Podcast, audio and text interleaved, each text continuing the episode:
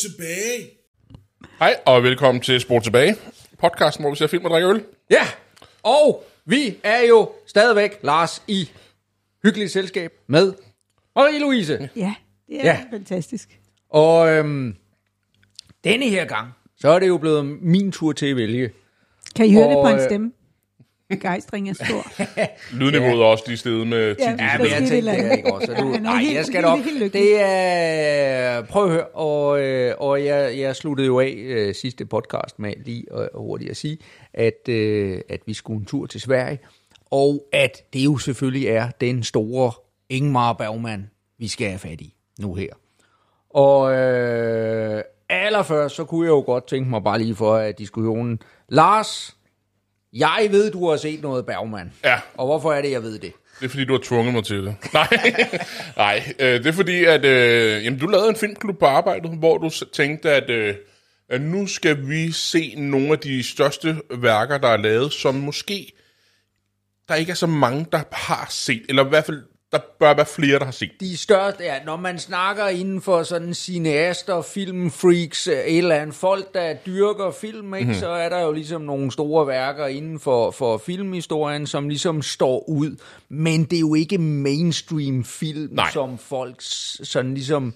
øh, Der, folk, der ikke interesserer sig for film, har set. Det var sådan ligesom det, der var Ja. pointen. Ja. Og det var fint, fordi at, øh, det var så inden det blev mit nytårs forsæt.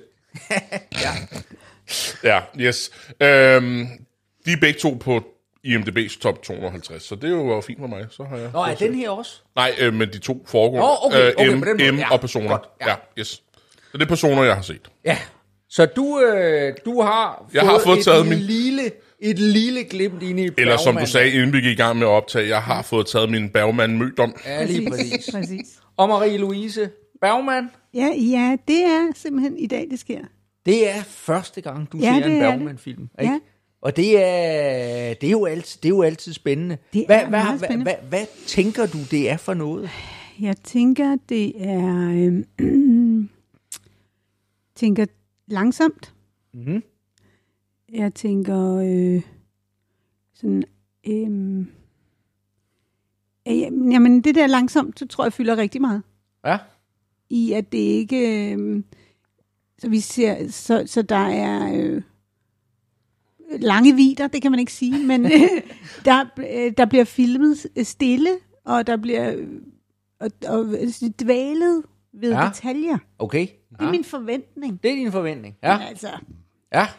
øh, sådan, som om man tykker på noget i utrolig lang tid. okay. Ja, spændende. Kan man sammenligne med personer? Ja, du kan godt have elementer af Fordi det. noget af det, som jeg, jeg kan huske, jeg lagde mærke til, det var, at han var ikke bange for at eksperimentere. Nej, Og jeg synes, den var meget sådan kunstnerisk. Altså, det var... Ja. Øhm, han, han brugte... For eksempel, der var sådan en intro, kan jeg huske, til personer, som var lidt længere, hvor at han ligesom klippede en masse forskellige ting sammen, som i hvert fald, da jeg så det, ikke gav mening. Ah. Jeg er sikker på, at hvis jeg så det nu, så har der sikkert været noget, der vil give mening nu i forhold Mm. til resten af filmen. Øh, så det kunne jeg måske forestille mig, det var noget af det, han også gjorde her.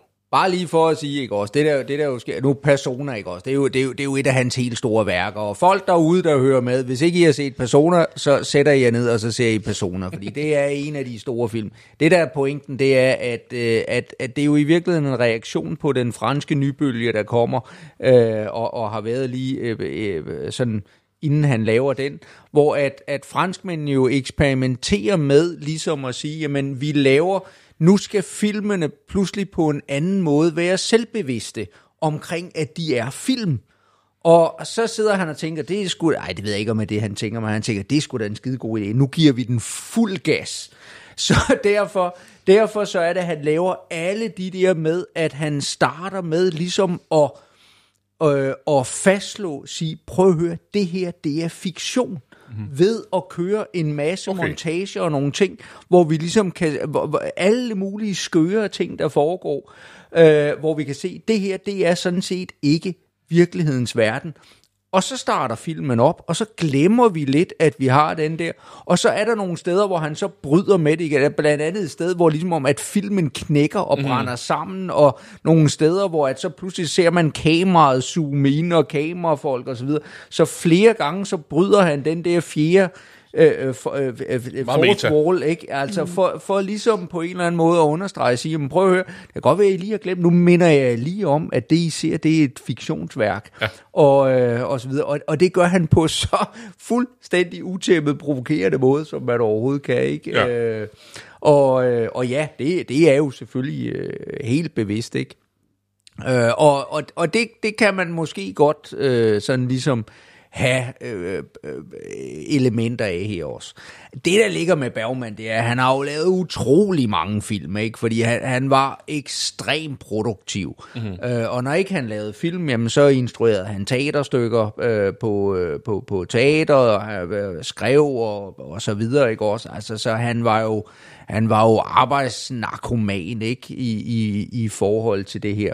Så, så det der med at diskutere, hvad er egentlig en Bergman-film, det er sådan lidt svært, fordi han har i virkeligheden opereret i rigtig mange genrer, øh, både noget lystspil og noget komedie og nogle meget, meget tunge, seriøse film osv. Så han, han har hele paletten.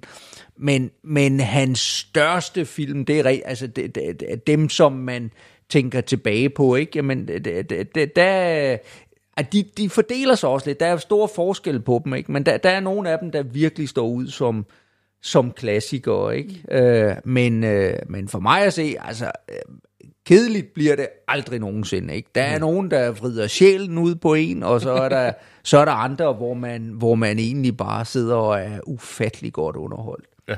Så, øh, men øh, jeg, er, jeg, er spæ- jeg tror, denne, denne her film, Ja. det er, øh, der er nogle film, som er, som måske ikke er de bedste introduktioner til Bergman. Og, og første gang, jeg nogensinde så en Bergman-film, det, det var måske i virkeligheden ikke en af dem, jeg selv ville anbefale folk at, at starte med at se.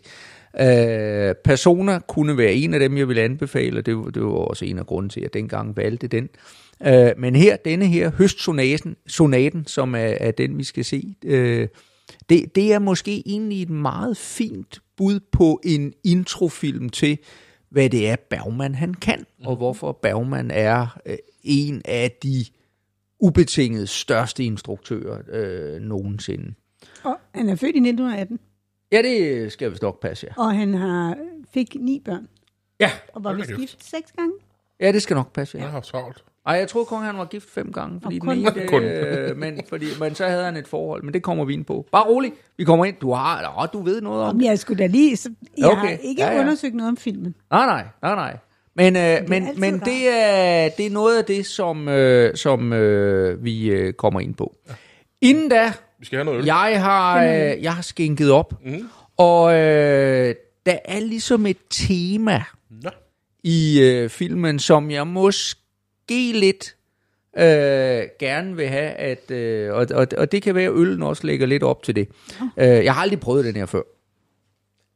Det er vel ikke temaet. Men, øh, men øh, det, som, øh, det, som jeg har fundet, det er, at øh, inde på øh, øh, Ska- bryggeriet Skans, de har lavet sådan en serie af øh, i virkeligheden fire øl, som øh, er brygget ud. De, det er lavet i samarbejde med Nationalmuseet.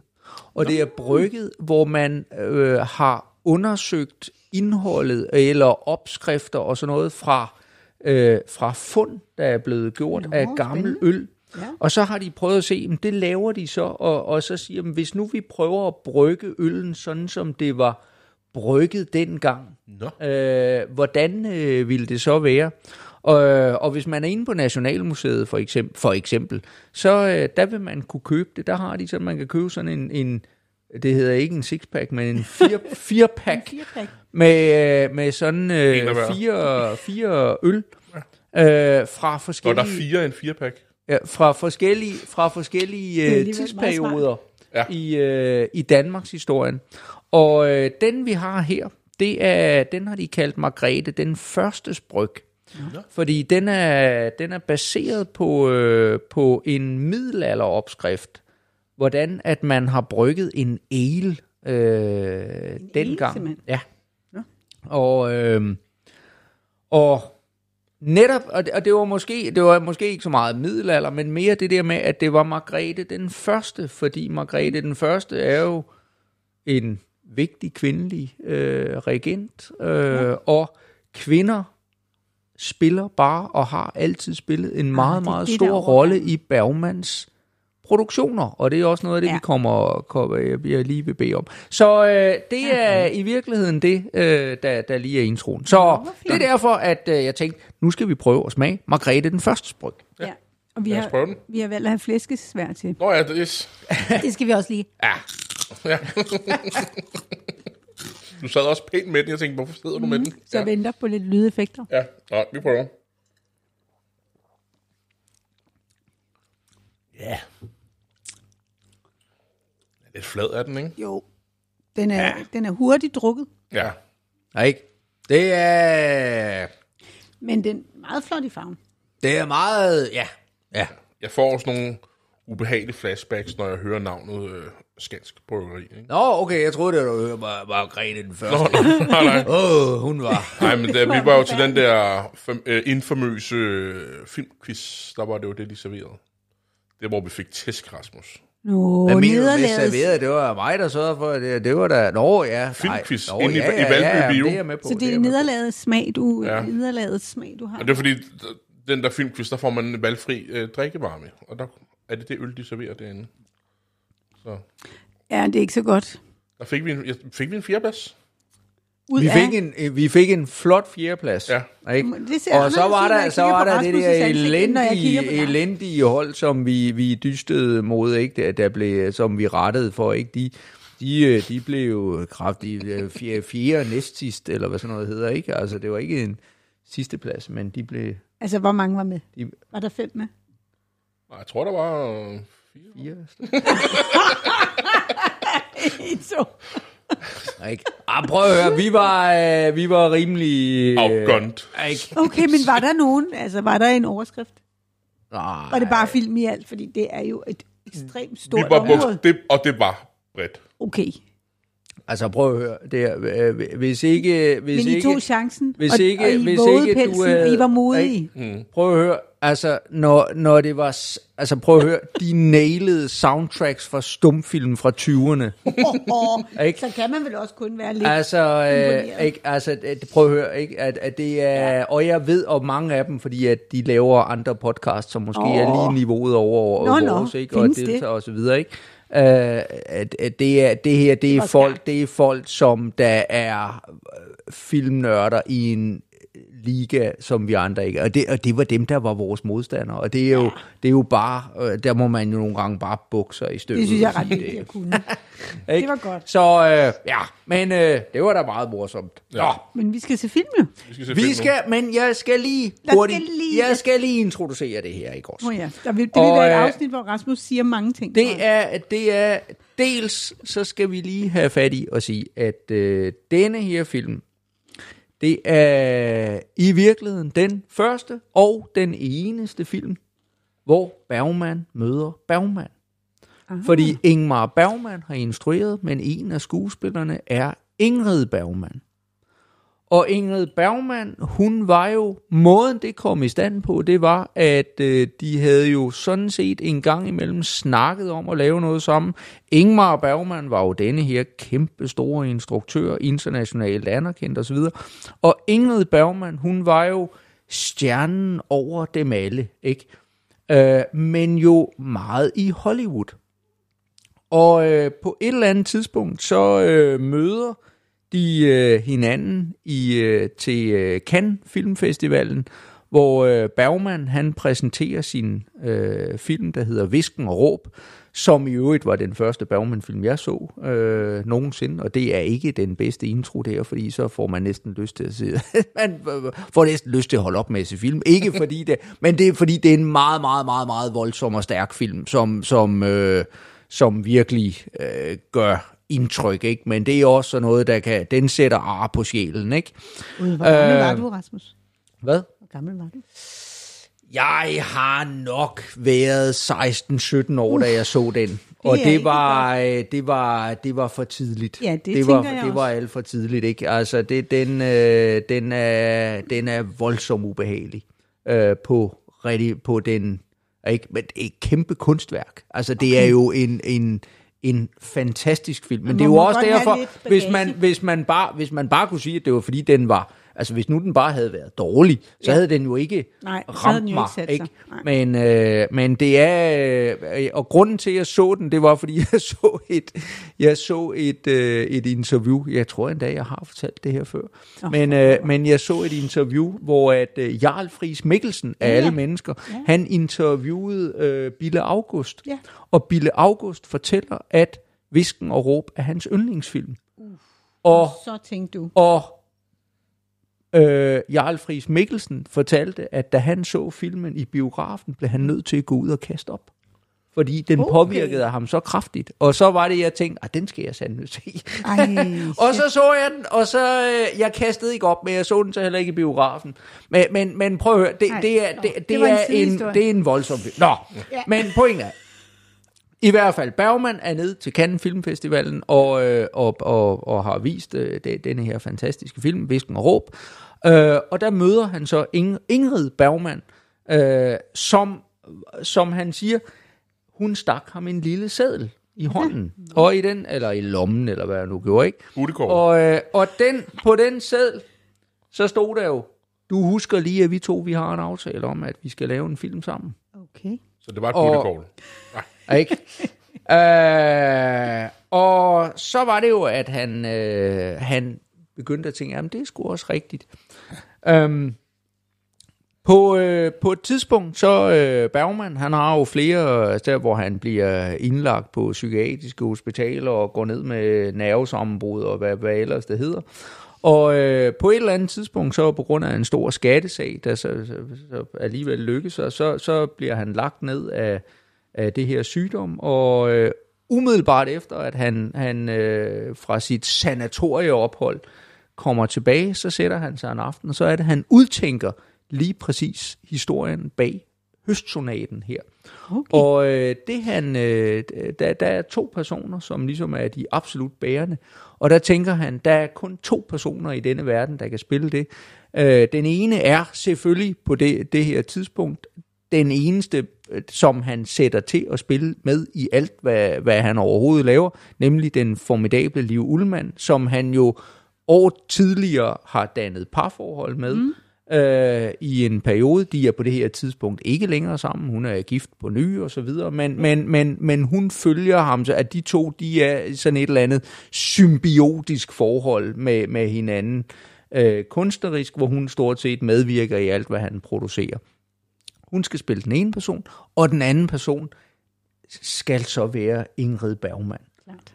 Øh, og, øh, og han får øh, brygget det her øh, manuskript sammen og får ud og, og får tænkt nogle ting og, og så videre. Og så i, i løb, det er faktisk i løb, bare i løbet af et par uger, at han får sammenskrevet det der, og de oprindelige idéer bliver bliver sådan lidt, øh, at det starter et sted og udvikler sig så lidt et andet sted hen og så videre.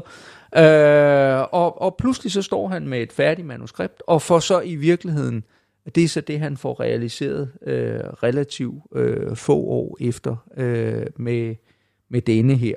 Men øh, i modsætning til, hvad, hvad, specielt når man hører sådan amerikaner og sådan noget, ikke? jeg tror, at øh, når Bergman, han er sikkert i familie med Bergman og så videre, de har intet overhovedet med hinanden at gøre. Det er første gang, de arbejder sammen.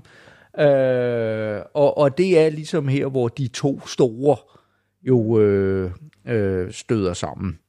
Og vi er i Så- 1978. Vi er i 1978, ja, at, at øh, det her, den, øh, den bliver lavet, og øh, den er optaget i, øh, den er i virkeligheden lavet i, øh, i Norge, fordi at, øh, at på daværende tidspunkt, så Bergman, han har besluttet sig for, at han vil aldrig nogensinde mere øh, lave noget som helst i Sverige, og det er, Nå, fordi for han er blevet sur på de svenske myndigheder og sådan noget. Um, det her, det er så også en af hans sidste deciderede biograffilm, han laver. Jeg mener, han laver en efter marionetternes liv, som, øh, som også er tiltænkt biografen. Men alt det, han laver efter det, det er i virkeligheden, hvor han laver ting til tv, Øh, d- du nævnte selv lidt øh, Fanny og Alexander, Ja. Øh, som jo er en tv-film, øh, som er blevet lavet, men som så også findes i en øh, både den fulde version, men også findes i en mere komprimeret version til, ja. til film. Øh, og og dem, han har et par stykker af dem, han laver øh, på, på den måde. Øh, scener fra et ægteskab er jo også øh, lavet som, at det er noget, der kommer på, på tv, TV. og så videre, som er det, han laver øh, efterfølgende. Ja. Så det her, det er noget af det sidste, han laver til som decideret øh, biograffilm.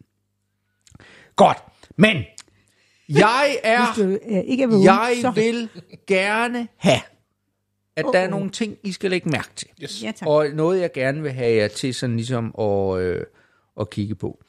Den ene, det er, at jeg kan godt, af, uden at afsløre det for meget, så er det, og Marie-Louise, det her, hvor det er rigtig, rigtig godt at have dig med. Og, Okay, spændende. og øhm, det er, at han beskriver jo et mor-datter-forhold. Uha. Og det som, øh, og det, det var derfor, vi, Og det kan har- jeg ikke beskrive. Du har, Nej, det er faktisk ret svært ikke? ved, det siger jeg nu, bare til dig, øh, Lars. Tidligere, tidligere så, så øh, du viste os jo systemspringer, Ja, det gjorde jeg. hvor der bestemt også var et mor-datter-forhold ja. på en eller anden måde. Oh. Til gengæld så havde vi der en kvindelig instruktør. Ja. Og det, som jeg er interesseret i at høre dit bud på, fordi vi har alle sammen en mor, Det har vi. ikke? Jo. Og på den måde kan vi snakke lidt med. Mm-hmm. Men denne her med, er der noget specielt i et mor-datter-forhold? Og kan en mand beskrive det? Fordi det er jo det, der hele pointen, ikke også? At Ingmar Bergman, han er jo ret glad, øh, det, det er, han har meget fokus på kvinderne i mange af hans film, og, og så videre. Og det er jo lidt interessant, den der med at sige, jamen kan en mandlig instruktør i virkeligheden, i hvor høj grad er han i stand til at fange det kvindelige perspektiv? Det er et godt spørgsmål, Det er ikke? et rigtig godt spørgsmål. Øh, som jeg mm. gerne vil have, at, mm. at du specifikt i hvert fald ja, øh, kigger mig på. til. Mm. Så, øh, Og jeg læner mig tilbage. så vil jeg Det er gerne, ikke så så vil jeg, og en anden ting, og det er jo så at sige, at øh, noget af det, som der jo i mine øjne er, er Bergman, han er en af mestrene indenfor, det er jo billedkomposition. Og øh, specielt inden for nærbilledet. Der er ikke nogen, der laver nærbilleder som Bergman. Øh, vi har måske, øh, at nogen vil måske sige, at øh, Carl T.H. Dreyer i, øh, i øh, nogle af hans stumfilm, for eksempel øh, Jeanne, d'Arc-filmen, øh, at øh, han virkelig er inde og opererer med, med nærbilleder. Øh, men øh, men øh, slet ikke, efter min mening, i en grad eller så effektfuld, som Bergman han senere gør. Så øh, denne her, hans brug af nærbilleder og komposition i, øh, i filmen, og hvilken effekt det har, øh, kunne jeg godt tænke mig, at I prøvede at lægge mærke til. Persona gør det jo også masser af gange, ikke? Men øh, prøv at være bevidst om det, fordi nu, apropos mm. igen systemspringer, mm. at øh, systemspringer havde jo nogle elementer blandt med noget farver, øh, Præcis. i forhold ja. til at, at danne noget. Øh, det gør Bergman også, i, det gør han blandt andet jo i allerhøjeste grad, netop i Visken og Råb, at han bruger det. Jeg synes ikke at huske i høstsonaten, at det er noget, han benytter sig af. Men billedkompositionen er helt øh, forrygende, og det og er det jo i alle Bergman-film. Men, men, øh, og, men det er der, hvor systemspringer jo måske er en mere, at den har mere fokus på, at den, er, den har en snært af noget socialrealisme. Ja. At det er det, det er en samfundskritik eller et samfundsbillede, den ønsker at gøre, hvor at det interesserer ikke Bergman, i hvert fald ikke i denne her. Nej. At, at det er øh, de, de øh, psykologiske og følelsesmæssige øh, forhold, øh, at han øh, sætter øh, fokus på. Og den sidste, jeg gerne vil have til at tænke på, ting. er hele tre ting, ikke også? Det er nem, og vi snakkede nemlig lige om det. Det er nemlig titlen. Nå, Fordi den hedder jo, og det er der, hvor jeg er rigtig glad for i den danske oversættelse, at de har beholdt den. Fordi på svensk, så hedder den jo Høstsonaten. Og høst er jo det svenske ord for efterår. Mm. Og på engelsk, der er den jo så blevet oversat til Autumn Sonata. Men på dansk, der har man jo så valgt ikke at kalde den efterårssonate, hvilket man jo kunne gøre, men man netop kalder den høstsonate. Og det er fordi, der i mine øjne, så ligger der en dobbelttydighed, som ikke kommer, som ligger i det svenske, men som ikke kommer frem i, når du oversætter det til engelsk. Fordi der er forskel, fordi høst, det er jo selvfølgelig To årstiden harvest. efter, men to harvest, at Ja. det er der, vi høster, mm. hvad vi nu har måttet så Uh, hvor fint. gennem tiden, Ej, ikke? det er jo smukt. Og, øh, og, og den Hallo. dobbelttydighed, den mangler, og, så den vil jeg Ja. gerne have, at I sådan lige har i baghovedet, når mm. I uh, ser filmen. Og så tror jeg ellers, vi skal i gang. Ja, Det tror jeg også. nok lige. Lad os gøre det. Ja. Yes. Så er vi tilbage, og vi har set Bergmans Høstsonaten. Mm-hmm. Og Lars, det er jo dig, der lige skal prøve at fortælle lidt om, hvad handlede denne lille Det mund- rigtigt, det var mig, der havde Hvad handlede denne lille mundre film om? Jamen, den handler vel i virkeligheden om, at øh, vi møder den her, den her datter, der hedder Eva, som var de flyttet nordpå i Norge, var det det, han startede med at sige? Ja, altså, Ja, ja. det er måske også underordnet, hvor, Ja. hvor, hvor de er. Men de, de er i hvert fald flyttet ud på landet, noget af den dur. Øh, og hun gør sig klar til, at hendes mor skal komme på besøg. Og hende har hun ikke set i mange år. Øh, her i huset øh, bor hun Eva sammen med sin mor, og så til morens overraskelse bor... ja, med sin mand. Altså, ja. Eva bor med sin mand, Ja, tak. og moren kommer på besøg, Ja. og til morens overraskelse bor hendes anden datter der også. Yes. Og datteren, hun er noget multihandicappet, en eller anden. Noget lammelse, eller? Ja. Ja, noget, der ligner sådan noget spastisk lammelse Ja. af en ja, art. det gør det. Noget den dur. Øhm, det er mor ikke så glad for. Det vil hun gerne lige have vidst. Ja. Men det gjorde hun måske også bare, hun havde bare ikke læst brevene måske. Nej. Øhm, fra starten af er der nogle spændinger mellem Eva og Charlotte, hendes mor. Og de kulminerer så en, en nat, hvor mor vågner op fået en drøm, hvor hun jo faktisk, jeg ved ikke, om hun bliver voldtaget, men hun bliver, der er måske en lille form for overgreb, følte ja. jeg lidt, det var, Ja. som måske også i virkeligheden skal vise, hvad der skal til at ske i løbet af den her nat, hvor der kommer en konfrontation mellem moren og datteren. Mm. Øh, og så går de jo nærmest hele Evas liv igennem. Øh, hvorfor det ikke ja. har været så godt et liv. Og morgen efter øh, tager moren væk, som hun egentlig har gjort hele. Og det er måske lige ja. værd at nævne, hvorfor er det, moren tager væk? Hvad er det, moren laver, siden hun ikke er der? Ja, moren er klassisk musiker, hun er pianist, tror jeg det er, øhm, og rejser jorden rundt øh, og spiller koncerter for alle de fornemme mennesker, kunne jeg forestille mig. Mm. skal måske også lige tilføje, at Eva og hendes mand har mistet en søn, der hedder Erik. Ja. Og endnu vigtigere, at det viser det sig senere, det faktisk er hendes andet barn, hun har mistet, kan man sige. Moren tvinger hende, da hun er 18, til at få en abort. Ja. Øh, ja. Er det ikke nogenlunde det? Jo. jo, det synes jeg er meget fint beskrevet. Hvad, hvad synes vi om filmen? Ja. Øh, jamen, altså, jeg vil nok faktisk kalde den øh, altså smuk. På den måde at forstå, at øh, det den, den har nogle utrolig flotte billeder. Altså øhm, meget klare farver, og du nævnte tidligere det der med, om var der nu noget med farver? Det må man da så sige, der var i den her. Øh, og meget tydeligt på, så, altså, mor har den farve, datter har den farve, og så var der jo indtil flere steder i filmen, hvor der jo decideret var billeder, altså malerier, Mm. altså hvor da han sidder og øh, en af morens venner sidder og spiller cello øh, med ryggen til os. Det er jo sådan helt øh, klassisk maleri, vi har gang i der, med nogle mennesker, der sidder meget pænt og lytter. Og det, øh, altså, så det gør den jo virkelig øh, anderledes i sin måde, synes jeg, at være på. Og så er der jo de her, som du jo også måske var lidt inde på, Rasmus, men de her nærbilleder, som man har Ja. ufattelig mange af. Og, øh, og, og de, de kan altså noget. Det kan de. Og specielt ja. når man har de rigtige skuespillere til at performe ja. på dem. Ja, det må man sige.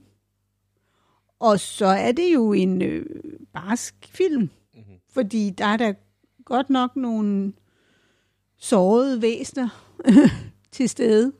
Ja. På alle mulige måder. Det må man sige. Ja. Og øhm, altså, jeg kan godt også, jeg synes, øh, den, er, den er interessant i den måde, den starter på, og Victor, der ligesom gør det der med at træde ud, og ligesom være vores øh, ven, der fortæller nogle ting, som Mhm. vi så ikke, så ved vi det. Altså, vi får jo meget hurtigt slået an, at der er et eller andet her, hvor han umiddelbart længes efter at få den her kvinde, han nu er gift med, til at få, blive forløst. Ja. Altså det er jo, øh, man bliver sådan helt, okay, så kan man godt, så er tonen, så er der ligesom slået an. Og nu ved vi godt, vi kunne godt tænke os, at det bliver løst. Det bliver det da, hvis det ikke er rigtigt. Men, øh, Ej, det, det er sådan ikke... Altså, det der med forløsninger hos Bergman, det plejer sjældent at være... ja, det arbejder han nok ikke med. Nej, Men ikke... han Men det er jo ret interessant, an. Fordi det, jeg havde også tænkt mig at sige det, du mm. siger, ikke? hvor han ligesom bryder den fire væg. Ja, Og det var jo det, vi snakkede om i forhold til personer. Det er der, hvor du snakkede om, at den her montage i starten var ligesom en påmindelse om, at det her, det er fiktion. ja, Og den starter med at have en, en fire væg, der bliver brudt. Ja. Der er også ret mange referencer til teater under, sige. under hele Ja, filmen, ja. hvor de ligesom gør opmærksom på, at hun var meget karikeret. Nej, hvad fanden teatralsk hedder det? ja, fransk, ja. Ja, teatralsk. Og, altså, og hun ligesom spiller med følelser. Der var mange referencer ja. til, der var noget, noget sige. facade og noget... Oh, ja. Til, ja. Virkelig meget. Det, øhm, Ja. Så tak. Altså, ikke- jeg ved godt, vi Ja, er jeg, færdige, spurgte, men ja, jeg, jeg, spurgte jo, jeg spurgte jo også lidt det der med, at... Jeg vil også at gerne lige kan fortælle, hvad jeg Ja, synes okay. Ja, Lars for pokker. Kører du Ja. også? Jeg synes, det var en utrolig trist film. Ja. Øh, som i... Jeg sad og blev helt vild. Jeg fik sådan ondt. Og prøv at forestille dig 16-årige Rasmus, der ser Ja. og tænker, nu skal vi se noget den, som... Nå, nej, det var jo ikke den, du så som Jo, sagt. jo. Jo, men det, var, det, det, har været, det, har været, det, har været, det, det har været lige det, så, øh, at... Ej, jeg har måske været lidt ældre, ikke? Men, men, men, øh, men, men det, det var der, hvor jeg siger, da jeg så den her, jeg, jeg var heller ikke parat til den. Nej, det, det, Det var jeg ikke. Det, det tænker jeg heller ikke. Men jeg synes, det var en mega trist film, men på den gode måde. Jeg synes, mm. jeg synes opbygningen var lidt, lidt langsom, og det var også det, som du troede ville ske, og du også sådan lidt hentede til, det er nok det, der sker. Mm. Øh, men til gengæld, da vi så kommer til det skænderi, der er den der nat, hold kæft, et klimaks, synes jeg. Mm. Øh, hvor skuespillet er på en meget, meget høj plan, synes jeg. Og det gør de virkelig, virkelig godt. Ja. Øhm, det eneste, der irriterede mig lidt i det, det skænderi, mm. det var, at jeg ville godt have haft, at selve klimakset i skænderiet var kommet senere i skænderiet. At det ligesom så kom der er sådan en udtoning på skænderiet bagefter. Det synes jeg tog lidt væk fra mig i forhold til klimakset. Okay. Hvor at jeg havde behov for at høre alle de ting, der kom i den der mm. nedtoning, der mm. kom. Jeg havde bare ønsket, at de var kommet før, hvor hun ligesom, nu får du det hele at vide, mor. Mm. Øh, men ja, Men er det ikke ofte det, man gør, hvis man har et af de der sådan skænderier, hvor man... Så har man jo den der udtryk, hvor at på en eller anden måde, nogle gange, så er det som om... at- Fordi her, skænderiet, der kommer jo ikke en forløsning. Det er, Nej, jo, nej. det er jo det, der i virkeligheden er det frygtelige ved det, ikke? At, at skænderiet, det, det, det, øh, det, det, det får ikke renset noget. Nej. Det, det, er, det, det er bare et, øh, altså selvfølgelig det er rigtigt, som du siger, et klimaks, men så er der den der udtoning, hvor vi ligesom bare må sige, vi er stadigvæk Og, men fra så alligevel, altså facaden kommer op igen for Eva, men det er jo alligevel en håndsudrækning, hun laver til sidst til sin mor ved at skrive det her brev igen. Mm. Hun anerkender, det kan godt være, at du nok ikke kommer til at læse det her, og vi ved jo heller ikke, om hun læser. Jeg, jeg tolkede det som om, at moren sad og læste brevet til Ja, sidst. fordi vi så hende, ikke? Ja. ja. Øh, mm, som, det er jo en meget åben slutning, så måske, mm-hmm. at de ligesom Ja. finder sammen igen. Det ved man jo ikke. Nu vil Rasmus rigtig gerne drikke noget øl, kan jeg se Nå ham. Ja. Ja, jeg sad og tænkte, ja. Nå ja, det er rigtigt. Det er fordi, jeg har øjenkontakt med ham. Jeg kan se, at øh, det er det, han gerne vil. Vi har, øh, vi, er, vi skal have lidt, lidt surt, Ja.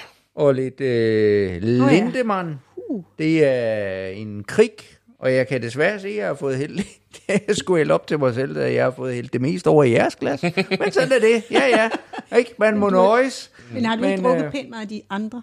Åh, oh, jo, jo, jo, jo, jo, jo, jo. Men nu havde jeg jo glædet mig lidt til det, ikke? Fordi surøl ja. er jo min favorit, ikke? Men Ja. øh, vi er, igen, vi er over i en af de rigtig gode klassiske, og denne her gang med noget, ja, hvad var det, solbær? Ja, det blev vi som, øh, som ligesom er basis øh, på dem. De findes jo i mange varianter, øh, og, og vi har i hvert fald sammen drukket hindbær. Ja, det har vi.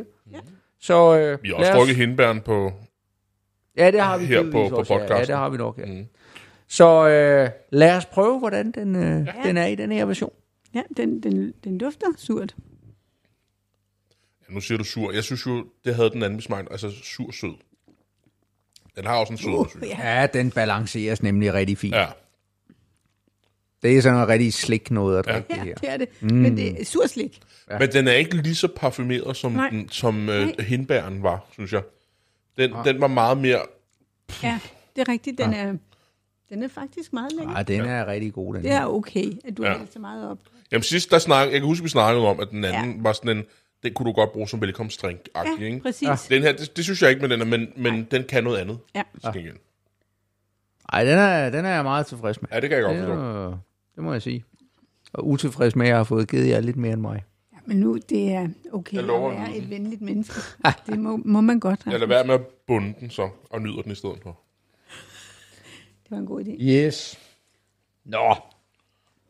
Havde I ellers noget, I ville tilføje til filmen der? Der er jo, ja, der er jo mange ting, man kunne... Ja, øh, øh, Ja. Hvad hedder, ja, for jeg spurgte jo det der Du med, stillede mange spørgsmål. om, øh, men det jeg var måske mest interesseret i, det var netop den her med at sige, det her, det er jo kvinder, mødre, døtre, Ja. der kolliderer. Ja. Kan man se, eller er der et eller andet, at det her, det er lavet af en mand? Det var lidt det, jeg fiskede efter. ja, det gjorde du. Og der kommer en pointe i, hvorfor jeg spørger om det Ja. lige om lidt. Men, øh, men jeg er bare interesseret i at Så- høre sådan en... en øh, Jeg Ja. vil jo øh, sige, at øh, Marie-Louise, du får lov at svare først. Nej, tak, Lars. Øhm, er det... Uh, det, er så, den, det kan være, det er sådan en af dem, der lige skal bearbejdes lidt. ja, Øh, fordi det der jo, når man ser en film første gang, så er der jo øh, mange indtryk. Nu havde jeg jo selvfølgelig fået et spørgsmål. Mm. Mm. Øhm, der, hvor jeg tænker, at han... Jeg, jeg synes, han får vist øh, utrolig fint, hvor svært det er øh, at være i den symbiose, der er mor og datter. Mm. Og hvor meget det rent faktisk øh, sætter spor i en, hvordan man selv er vokset op. Og derfor, hvad giver man videre? Ja. Det er jo i hvert fald noget, der gør, at når jeg som 46-årig ser filmen, har jeg jo et andet indsigt i det, end en 16-årig pige, der endnu ikke, kan man sige, har gået helt igennem de samme ting, som man trods alt Ja. øh, oplever, at øh, altså Eva har jo været igennem en masse ting, og har jo egentlig også selv en idé om, at hun burde være blevet voksen nok. Mhm. Så, så jeg, jeg synes, han er ret, ret dygtig til at beskrive øh, mor, datter. Det siger moren jo sådan set også. Hun siger jo også, at hun ikke er voksen endnu. Øh, Ja, moren? ja, hun fik aldrig lov at, sådan, at, at vokse op. Nej, altså det er i hvert fald, jeg synes, det han får taget utrolig fint fat i, det er jo psykologiens væsen på den måde at forstå, at vi, og hele det med at vokse op, at vi har, altså der er en tråd, der følger igennem, så hvad end der måtte have været af ting, som vi oplever, som kommer fra vores baggrund, om det er så fra en mor, eller i, kan man sige, i jeres tilfælde, hvor det kunne være far-søn forholdet, jamen så er der jo nogle ting, der bliver, altså, der tages med videre. Det ved jeg ikke, om det er tydeligere i mor-datter forhold. Mm, Jo, jeg, jeg tænker umiddelbart far-søn-delen. Jeg er ikke sikker på, at de havde delt lige så mange følelser, som de gør Nej. her. Altså, jeg ved ikke, om skyld og skam er mere udbredt mellem mødre og døtre, end det er mellem sønner og fædre. Det tror jeg ikke. Men jeg tror måske, kvinder har en historie for at sætte flere ord på, end nødvendigvis Ja.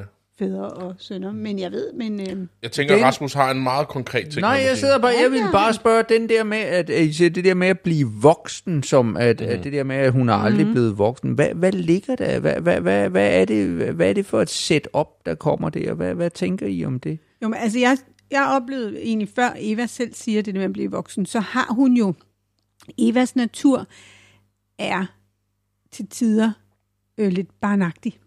Hun er en, en pussy sammensat figur. Mhm. Mm. Hun har enormt meget øh, øh, røren ved sin mund. Øh, hun har de der flætninger, som er sådan lidt, undskyld mig, altså inde i mig sker der det, jeg tænker, se nu og øh, blive voksen. Fordi, hallo, prøv lige at få brudt. Og den der vrede, hun så jo får ud, i den grad øh, katalyseret ud til sin mor den nat der, øh, den, har jo, den har jo helt sikkert sin berettigelse. Men hvor er det ærgerligt, den ikke er kommet lidt før. Det, det er sjovt, du siger det, fordi jeg kan godt se, hvad du siger. Men jeg sad også og tænkte, det der med, at hun aldrig har fået lov at være barn. Mm. Øh, at hun ret tidligt, hun fortæller, at far var meget ked af det, og det var hende, der skulle trøste ham hver dag i otte måneder, mens mm. moren var ude med en ny mand, som hun måske Ja. ikke helt vidste. Ikke? Og øh, hendes lille søster er blevet smidt på et hjem, fordi det kunne mor heller ikke magte. Mm. Og derfor tager hun det ansvar og passer af, tager sig af sin søster også. Mm. Øhm, så på den måde synes jeg, der var sådan en, en modenhed hos hende også. Øh, Ja, men helt sikkert, hun er jo Ja. ekstremt ansvarsfuld. Men hun har bare en adfærd og en gestik, som gør, at man tænker, du er altså ikke blevet mere end fire år. Du er Nej. blevet lidt låst fast i, Ja. at øh, det var ligesom det. Og det passer jo også rigtig fint med, tænker jeg, at det er også det omkring, hun er låst fast. Ja. Fordi der er nogle ting, vi, vi bærer jo alle sammen rundt med et lille barn i os, som på en eller anden måde ikke... Det er der, vi har nogle konflikter, det er der, vi har noget, vi skal arbejde med, det er der, vi øh, låst, og vi har mødt et traume, der har været så voldsomt, og det er forskelligt, fordi traumerne behøver ikke at være det, andre synes er voldsomt, men som vi har mødt og tænkt, wow, og så er det det, vi vender tilbage til. Jeg synes jo, jeg, jeg, jeg sad også og tænkte, det der klimaks, det der skænderi, at nu, nu var det en, en, hun er jo en ældre dame på det her tidspunkt, mm. og hun er jo også voksen. Mm. Men jeg forestiller mig, det var sådan et, et mor teenage pige skænderi ville Præcis. foregå. Præcis, Øhm, det var sådan, jeg sad, sad Ja. og tænkte undervejs. nemlig. Nå, jeg har jo i virkeligheden forberedt lidt. Ja, Det Og øh, det, som, øh, det, som jeg har forberedt, det er, at øh, inde på YouTube, der er der en er flere interessante ting, men en af de ting, der er, det er, at Liv Ullmann har været i et øh, sådan et Q&A, øh, hvor at det handler om, at man starter med, og det er en hel, øh, hel sal, der er fyldt med publikum, og øh, så starter de med at se høstsonaten, og så er der efterfølgende en debat omkring Spændende. filmen. ja. Og, øh, og, og, og jeg kan sådan set kun anbefale, at man, øh, at man ser det hele, fordi det er, det, det er i virkeligheden nogle rigtig spændende ting, øh, der, der ligesom kommer op omkring øh, det her. Men, øh, men jeg, har, jeg har udvalgt, og i virkeligheden to segmenter, mm. som jeg synes, der kunne være interessant at bringe ind her. Det var ikke noget, jeg selv havde været opmærksom på, hvis ikke at jeg ligesom havde set det her. Og, øh, og, og derfor så prøver vi nu noget lidt anderledes, end hvad vi... øh, Ej, jeg ved ikke, om jeg, om jeg måske gjort noget, der mindede lidt om det. Men det, der er pointen, det er, at øh, vi starter lige her med det første klip, hvor at, øh, og, og, og det var halvandet minut, hvor at øh, vi lige hører Liv Ullmann, og hvor hun fortæller øh, om en, øh, en bid øh, omkring øh, denne her film, og hvordan den er, den er blevet, øh, hvordan den er blevet skabt, og, og så kan vi lige se, om, den, om det på en eller anden måde påvirker noget, fordi her der, pointen er her, som hun også siger, nu er hun jo så blevet ældre endnu, mm. og ser den jo nu på ny, Ja. og får måske noget andet ud af den, end da hun var med til at indspille den. Og det synes jeg er vældig spændende. Så øh, lad os lige prøve at høre det. the woman feels. I would like to do it differently. And then came the crisis in the middle of the movie where I had this long outburst of anger to my mother. And for me, it was true. I felt she had been horrible to me, and everything I said, I felt this is the truth. And we did all my stuff first because I had three pages of anger. And then the camera came on Ingrid Bergman. And then she said, I'm not going to say it. I want to smack her in the face and leave the room. thought the movie is over. The movie is over. And the two of them, they left and they stood out in the corridor and they screamed and everything went on. And then finally they came in, the man and the genius won. And uh, the actress came in and she did say the words. It was something like, uh, I don't remember it so well, and you have just seen the movie, but you know, hold around me, please love me, or something. But her face. It's the face of the women who have said for so many years, I'm so sorry. Oh, I did something wrong. Please forgive me. Hate in her eyes, anger in her eyes, and she, you know, was nominated for an Oscar. Yes. Ja. Grunden til, at jeg lige havde det her med, ikke også? Det er sådan det første klip, jeg lige ville have, ikke også? Og, og, og, og der er flere ting i det, ikke også? Men den ene, det er, at øh, i når man læser omkring, hvordan at, øh, som sagt, jeg nævnte, at øh, det var jo Ingrid Bergman, der lige havde prikket Ingmar Bergman på skulderen og sagt, at øh, mm. du skal lige, øh, vi har en aftale om, at vi skal lave en film sammen. Ja. Og så laver han denne her og tænker hende ind i rollen. Da de så skal til at optage og få sat sig sammen, så er der mange versioner af, hvad i, i alverden der skete her. Fordi det, som Liv Ullmann i løbet af det her interview fortæller om, det er, at her der har vi virkelig, hold da op, der var to superstjerner, der bare clashede.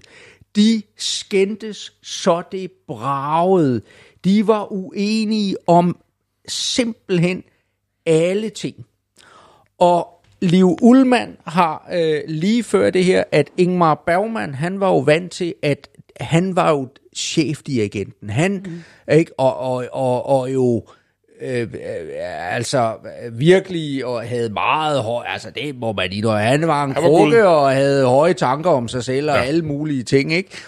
Øh, og noget af det, hun beskriver, det er jo blandt andet, at øh, han, øh, han plejede hver eneste onsdag øh, når man filmede med ham, så havde han onsdagsaftener, hvor han inviterede på film, og så havde han udvalgt en eller anden speciel film, og så sad alle folkene omkring dem, de sad ned, og så så de den her film, og så efterfølgende så diskuterede de og snakkede, og alle sammen anerkendte, nej, hvor er det en kæft, det var en spændende film, du havde valgt det, og det var, hvor var det dejligt, vi så den, og så videre. Mm. Og så fortæller de det her med, at øh, øh, Ingrid Bergman, hun kom ned, så efter fem minutter, så rejste hun sig op, og så sagde hun, ej, ved I hvad, den her film, den har jeg, det, det er sgu ikke noget for mig, det gider jeg ikke at se. Og så skrev hun, og det var der aldrig nogen, der havde gjort før. Der er på et tidspunkt, og, og det har så været op til den her også, der er en scene, øh, hvor at øh, de skal de sidder og skal de skal gennemøve den her scene og Ingmar Bergman han har han har jo skrevet øh, dialogen og så videre og øh, Ingrid Bergman, når hun, hun starter med, så læser hun det op, så kigger hun på ham, og så siger hun, det her, det kommer jeg ikke til at sige. Det er dybt utroværdigt. Sådan vil en kvinde aldrig snakke. Og de har et kæmpe skænderi, og Ingrid Bergman spæner ud, og Liv Ullmann fortæller, at Ingmar Bergman sidder så tilbage med og, og græder Nå, efter det her. Fordi han er så, altså igen, det er hans kunstværk, det er hans mm. hjertebarn her, mm. han, som han pludselig får kritik for. Ja da. På en måde, som han bare, det, der er aldrig nogen, der har stået op Ej. til ham før. Og det er jo det, der er lidt lige, som hun her åbner op for. Ja. Og siger, jamen, alle de kvinder, der gennem tiden har fået at vide, du har ikke gjort det godt nok, du skulle. Den der med kvinder, der er ude og, og bliver superstjerner, eller har et liv, eller et eller andet, hvor det, hvor det kræver nogle ofre, den bebrejdelse, der hele tiden kommer, du burde være blevet hjemme med Ja, passe ja, din tak. familie, blevet hjemme med kødgryderne, og så videre, ikke også? Hele den der, det er jo den, han i virkeligheden lægger op i denne her film. Mm-hmm. Og Ingrid Bergman var delen dyt med ikke enige omkring det her, og modarbejdede ham. Men, ja. Ja, Må jeg tilføje lidt? Ja, endelig. Men, men jeg tænker også, altså undervejs i de der samtaler bliver det jo også meget tydeligt, at jeg tænker, når er det hende, der er faren? Mm. Altså, fordi hun har jo alle, jeg tænkte også, hvornår er det? Hvornår har vi den her? Hvornår er den sat tidsmæssigt? Altså, jeg er med på, at filmen er fra 78, men hvor er vi henne i tiden? Det kunne det vel Ej, også den, er sagtens ikke, den er nogenlunde samtidig, ja, Ja, det vil jeg også sige. Jo. Fordi der var trods alt, tænker jeg, nogle, nogle kvinder på vej ud og sådan noget. Ikke? Ja. Men hun har jo nok for det område altså helt, været helt exceptionelt, at det var hende, der var væk. Mm. Og ham, der sad. Jo, jo. jo, jo. Øh, og det vil jo så også sige, jamen så skal man jo, altså der er jo ikke nogen, der sådan undrer sig over, at en far tager væk og er væk i lang tid. Nej. Det er jo ikke, ej, og hvor er han en dårlig Ja. far, og Ja. det er da også, for, altså hvorfor? Så derfor skal hun jo lige pludselig spille noget, Ja. som er en, altså lidt, noget ret atypisk. Ja. Men det er vel derfor, han, tænker jeg umiddelbart, måske også tænker på hende, at hun måske kunne relatere til det. Hun har været i Hollywood og, Mhm. mm. og lave alle de her store film, og, og den måde, på den måde har været væk fra sin familie også. Ja. Øh, på samme måde som den her øh, Charlotte-karakter Ja. ja. øh, rejser rundt og, og spiller musik. Ikke? Præcis. Ja. ja. Så, øh, så jeg synes, at, at øh, det, det er sådan det første i, i, i forhold til, igen, jeg synes, hele, di- hvis det det, hele diskussionen Meget ikke, fedt koncept. er, er, er, er super god, ikke mm-hmm. også?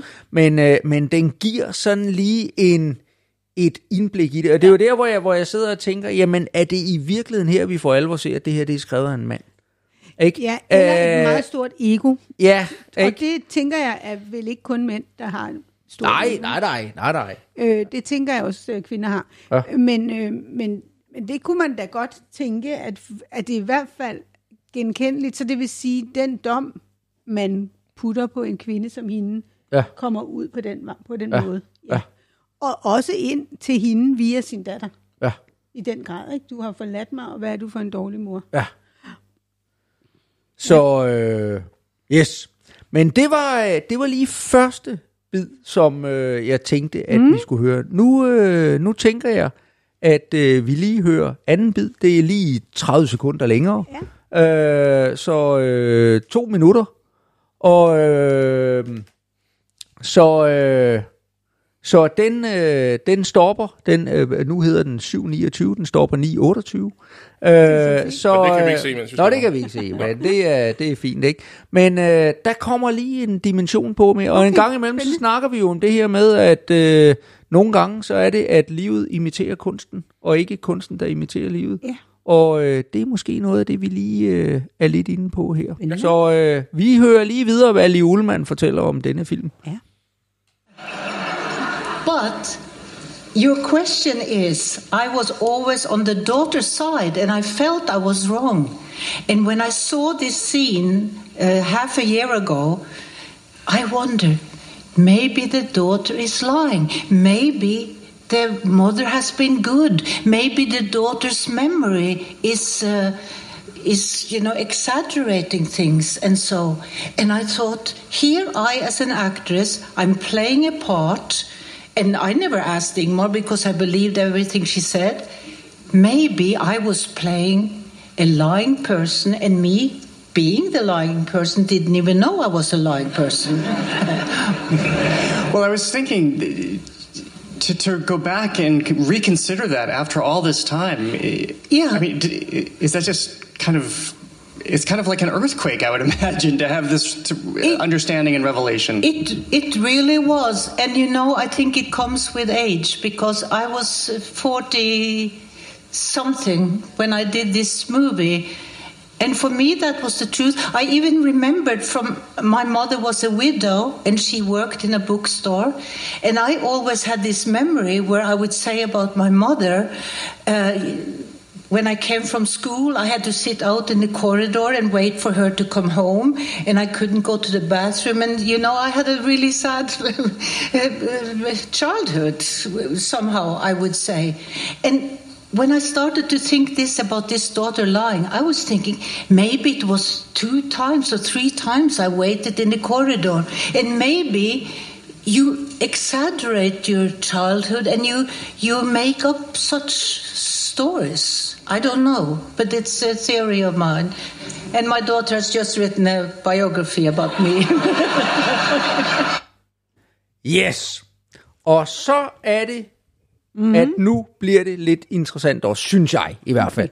Fordi det hun jo netop sætter fokus på her, det er at sige, her der har vi nogle personer, som på en eller anden måde, hvor man kan sige, der ligger, der ligger noget gammelt nag. Og det her gamle nag, det kommer ud efter mange, mange år, hvor der er nogle, jamen, hvordan var du, og du gjorde også, og du gjorde ikke, og du svigtede mig, og alle de der ting. Men spørgsmålet er, hvordan er det, vi opfatter fortiden? Hvad er det for nogle ting? Og det er jo det, hun snakker om her. Mm. Der, hvor det bliver rigtig godt, det er jo, at den unge, da vi har tilbageklippet netop i filmen, hvor vi ser øh, den, hende som den unge datter. Ja. Det er jo netop hendes egen datter, Lin Ullmann, datter af Ingmar Bergman og Liv Ullmann, som spiller den rolle. Hun er jo så senere vokset op, og har jo, og det er den, hun refererer her, mm. har for ikke så lang tid siden udgivet en bog, der netop handlede om grundlæggende, hvordan hun gennem hele sin barndom er blevet svigtet af Liv Ullmann og Ingmar Bergman. Er det Hun- det, den handler om? det er grundlæggende det, den handler om, ikke? Øh, og, og, og hvordan, hvor svært det har været, ikke? At hun har levet med dels en far, som jo øh, var noget ældre, ikke også? Mm-hmm. Men som jo øh, konstant kreativ og indlagt og nedbrudt og så videre. Jeg tror ikke, at det der med at have Ingmar Bergman som far, Nej. at det har været skide nemt, ikke? Og så er jo i øvrigt, øh, jeg vil sige, 27 søskende med alle mulige andre, ikke? Altså, fordi det, hun er ligesom, det er rigt, øh, hun er, hun er barn nummer, han har haft, inden han møder Liv Ullmann, så har han været gift fire gange og har otte børn. Og så får han et barn med Liv Ullmann, de bliver aldrig gift, og så senere gifter han sig så igen og, og, og får muligvis også nogle børn efterfølgende okay. og så videre, ikke også? Ja. Så det har været en lille smule kaotisk, kunne man godt ja. forestille sig. Og det der i hvert fald ligger, det er, at, at lige pludselig så Liv Ullmann, da hun læser datterens bog, hun føler jo lige pludselig, at hun bliver uretfærdigt behandlet, fordi, mm. som hun siger, det var sgu ikke helt det. Det kan godt være, at hun kan genkende elementer af det, men det er på en eller anden måde fortegnet. Ja. Og lige pludselig stiller hun jo det samme spørgsmål til sin egen rolle Ja. i det her.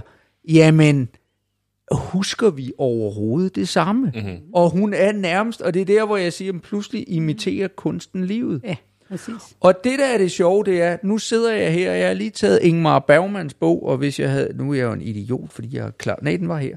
Uh, hvad hedder Så det? helt så idiotisk var det ikke. At, øh, at han har jo skrevet en, øh, en bog, hvor han øh, gennemgår en masse omkring øh, sine forskellige film, og hvordan han har arbejdet med det. Og øh, nu nævnte jeg før, hvordan at Liv Ullmann fortæller om øh, mødet mellem Ingmar Bergman og Ingrid Bergman, og hvordan de kæmpede mod hinanden og sloges, og Bergman og store skænderier, og Bergman, der øh, var græd efterfølgende yeah. og så videre. Og når man så læser Ingmar Bergmans version af det her, Ja. så har han jo lige pludselig en helt anden udlægning af det. Han, han beskriver jo Ingrid Bergman som for det første, han siger, at hun var en stor skuespiller, mm. men, øh, men han synes, han beskriver hende som hendes måde at forberede sig på var gammeldags. Han siger, hun hang fast i 40'erne. Så nævner han Spielberg, øh, nej ikke Spielberg, hold øh, Hitchcock. Hitchcock har jo lavet nogle film med hende, og hvor han siger, det var, det, hun, det var nogle af de film, hun spillede allerbedst. Okay. Og som han siger, Hitchcock, han var grundlæggende ikke en særlig rar person, han var sådan lidt røvhul. Øh, men på en eller anden måde, så har den modstand, hun havde mod Hitchcock, den fik hendes gode skuespil frem i sig. Så det Bergman han siger, det er, at han blev nødt til, siger han, mm-hmm. at at være instru- instruere hende på en helt anden måde, end han gør med, end han nogensinde havde gjort før, og som han siger, han måtte bruge aggression for at få mm-hmm. hende ind i øh, det der. Så hans udlægning af det, det er altså, at nej, det, det var selvfølgelig noget, jeg gjorde helt bevidst for at få denne her store skuespillerinde til Ja. at performe allerbedst. Hvor Liv Ullmann efterfølgende siger, ej, prøv at høre, han var eddermame og et såret ego, der bare ikke, præcis. og så videre. Det lyder altså, det også umiddelbart som... Ja, man kunne godt Ikke? en. Øh, og, øh, og, og, og, og så, er vi, så er vi igen tilbage til, til denne her med, hvor meget er det, altså når vi laver de her tilbageblik på vores liv, mm. hvor meget af det er så reelt, og hvor meget er det den her med, at vi tager elementer og forstørrer op. Ja. Noget, der på en eller anden måde har sat sig i os, som der bare får lov til at vokse og vokse og vokse. Mm. Det tror jeg alle sammen, vi på en eller anden måde øh, kan, kan genkende. Ja. Øh, noget af det er rigtigt, noget ja, ja. er noget, vi, vi går og dyrker. Ja. Og pointen her, det er, at lige pludselig så er det, at vi også bliver, bliver nødt til at sige, jamen selv, selv i filmene, at de karakterer, vi oplever, kan man jo begynde at stille spørgsmålstegnet ved. Mm. Jamen, det er jo deres personlige Præcis. opfattelser af det. Og, ja. og, og lige pludselig så, og jeg synes bare, det er sjovt, at det er deres datter, der spiller med der, så ja. efterfølgende ikke. Jo, jo. Vi har nærmest en gentagelse ja. af denne her ja. film i, øh, i deres øh, efterfølgende forhold. Ja. Så øh, nej, så den, øh, den tænkte jeg, øh, den tænkte jeg lige, at, øh, at, at vi skulle have, Ja da. vi skulle have med. Ja. Ja. Har du mere, Rasmus? Nej, ikke andet end at øh, Ingmar Bergman var i virkeligheden aldrig sådan rigtig helt tilfreds med filmen, Nå, øh, okay. som øh, den tog sig ud. Han havde han havde en, øh, en, en drøm omkring, øh, som, som den byggede på, der oprindeligt handlede om en netop det her skænderi, og så, en, øh, og så i virkeligheden en datter, der fødte sin mor. Øh, det, var, det var sådan et, øh, et billede, han havde. Han synes det var spændende, det der med datteren, der pludselig føder moren, at der er et eller andet i det der, den der relation, som han gerne ville have. Men det går han jo så lidt væk fra, da han begynder at nær, eller sådan gennemskrive øh, Ja. øh, øh, den. Øh, og det han skal, jeg kan lige prøve at læse op her, hvad, hvad det i virkeligheden var, han gerne ville have haft, ikke? Og så Jo. kan det være, at vi bare slutter der, medmindre I lige har et eller andet, ikke? Øhm, øh, så, så han siger det der med, at der, netop den der med, at der er nogen, der skriver, siger, at det er en typisk Bergman-film, ikke? Så siger han, jeg synes faktisk, at Høstsonaten er et kedeligt eksempel. Hvad jeg aldrig får at vide er dette. Hvor ikke kommer det, at det netop blev Høstsonaten? Hvis man længe går og bærer på en historie eller en motivkreds som persona eller visken og råb, så kan man se, hvordan filmen har udviklet sig, og hvordan den er blevet, som den er. Men hvorfor høstsonaten pludselig skyder op og ser netop sådan ud, ganske som en drøm, det er muligvis det, der er fejlen. Den skulle være blevet ved med at være en drøm. Ikke en drømmefilm, men en filmdrøm. To personer, miljø og alt andet skulle have været gemt væk. Tre akter i tre belysninger. Et aftenlys, et nattelys og et morgenlys. Ingen klodsede kulisser, to ansigter og tre slags lys. Det var sikkert sådan, jeg forestillede mig høstsonaten. Ja. Så, øh, men øh, filmen kom i hvert fald til at se sådan der ud, og øh, Ja. det er jo så den, man må forholde sig til. Altså, jeg har nogle noter, jeg har skrevet ned. Jamen, så jeg synes jeg da bare, du Ja, skal... for vi blev jo ligesom, der var Præcis. ligesom mor, Ja, det er der, der godt. var komposition, og så Ja, var der ja. films titel. Jeg synes, vi har været inde på det der mor, der er der noget. Den tænker jeg også. Så i forhold til beskæring og, og, mm. og komposition, det, det, det, det sad jeg og holdt sådan lidt øje med. Øhm, og du, jeg, jeg tror, du sagde det, mens vi optog. Det kan også være, du sagde det, da vi ikke optog det. Men det der med hans close-ups er, er fantastiske. Ja. Og han formår bare at fange øh, de der følelser i kameraet på den helt rigtige måde. Så man, man bliver, altså, når jeg står og underviser i det der, i, i filmiske virkemidler, mm. og snakker om close-up, så er det altid sådan, at ja, vi skal have close-up, fordi vi bliver inviteret ind i folks intimsfære. Vi får lov at føle, hvad de føler. Og det skal jeg da lige love for. Det, det gør man i, i den her ja. film. Ja. Øh, det, det synes jeg virkelig, han gjorde rigtig godt. Og så vil jeg gerne fremhæve den scene, hvor først Eva spiller klaver, og hvor mm. hun ligesom får sagt til sin mor, der er jo noget i vejen her, nu skal du lige vise mig agtigt, hvad du skal, ikke? Ja. Og så, øh, hvad hedder det, hæftede jeg mig ved morens beskrivelse af sangen. Øh, jeg, ved, jeg kan ikke huske, hvad sangen hed. Det var Chopin. Det var en Chopin, Chopin, i ja. hvert fald. Det var det i hvert fald. Og hun, skriver, hun sagde noget af, nu siger jeg bare sådan lidt, jeg husker det, at øh, han beskriver smerten uden at vise det. Øh, og øh, kommer små hint af, at smerten bliver lindret. Hun siger noget af det. Mm. Og det synes jeg beskriver moren rigtig fint. At øh, ja, datteren har haft et hårdt liv, og det taler jo i virkeligheden meget fint ind i det, ja. du lige sagde før. Men moren har jo heller ikke haft det nemt. Hun har været, har ikke haft et forhold til sin mor. Hun, hun beskriver, at hendes mor aldrig har lært hende at, at elske og føle kærlighed. Øh, og så tror jeg det der med, jamen, jeg har et barn, og en gang imellem kommer jeg hjem til det her barn. Mm. Og det er ligesom det der, de der små glimt, der lindrer smerten. Mm. Øh, det hæftede jeg mig i, ved, i forhold til det. Øhm, har du noget i forhold til, til Nej, beskæringen? ikke, for, nej, ikke andet end det med billederne der, jeg synes er så smukke. Øhm, så var der titlen, Ja, som vi skulle hæfte ved. ja. Ja. Høst. Jeg, jeg, jeg synes, det var lidt svært. Jeg, og det kan godt være lidt, lidt, lidt søgt, øh, nogle af de ting, jeg sådan har skrevet Nej, men ned. jeg prøver at høre, det er ikke fordi, der ligger, det er sådan en regel, det er ikke fordi, jeg sådan har tænkt nærmere. Men vi kom det. jo meget godt ind på det med det Ja. der med, at man høster noget. Ikke? Altså, altså, det er jo noget, der er stået og kultiveret et stykke tid, og Ja. så er det, man høster det, og så Ja. kan man anvende det til noget. Og det er vel også det, man kan. Nu siger du det der, Rasmus. Hvad er det, man husker tilbage på, og hvordan gør man det? Og det kan man jo så... Man kan høste noget af det, Ja. og så skal man jo overveje, okay, er det noget, jeg skal dyrke videre på? Mm-hmm. Eller skulle jeg måske stoppe der? Mm. Fordi det er ikke sikkert, det gavner mig Ja. at dyrke det. Ja. Altså så på et tidspunkt, bare lige for at sige, så er det jo sådan, at jeg, jeg tror, det var i, fra en af mine tidligere jobs, eller et, et, opdræ, et, et oplæg, jeg har hørt, hvor der var en, der siger, "Jamen, når man er 25, så det er der, man er voksen. Så må man ligesom sige, gør op med sig selv.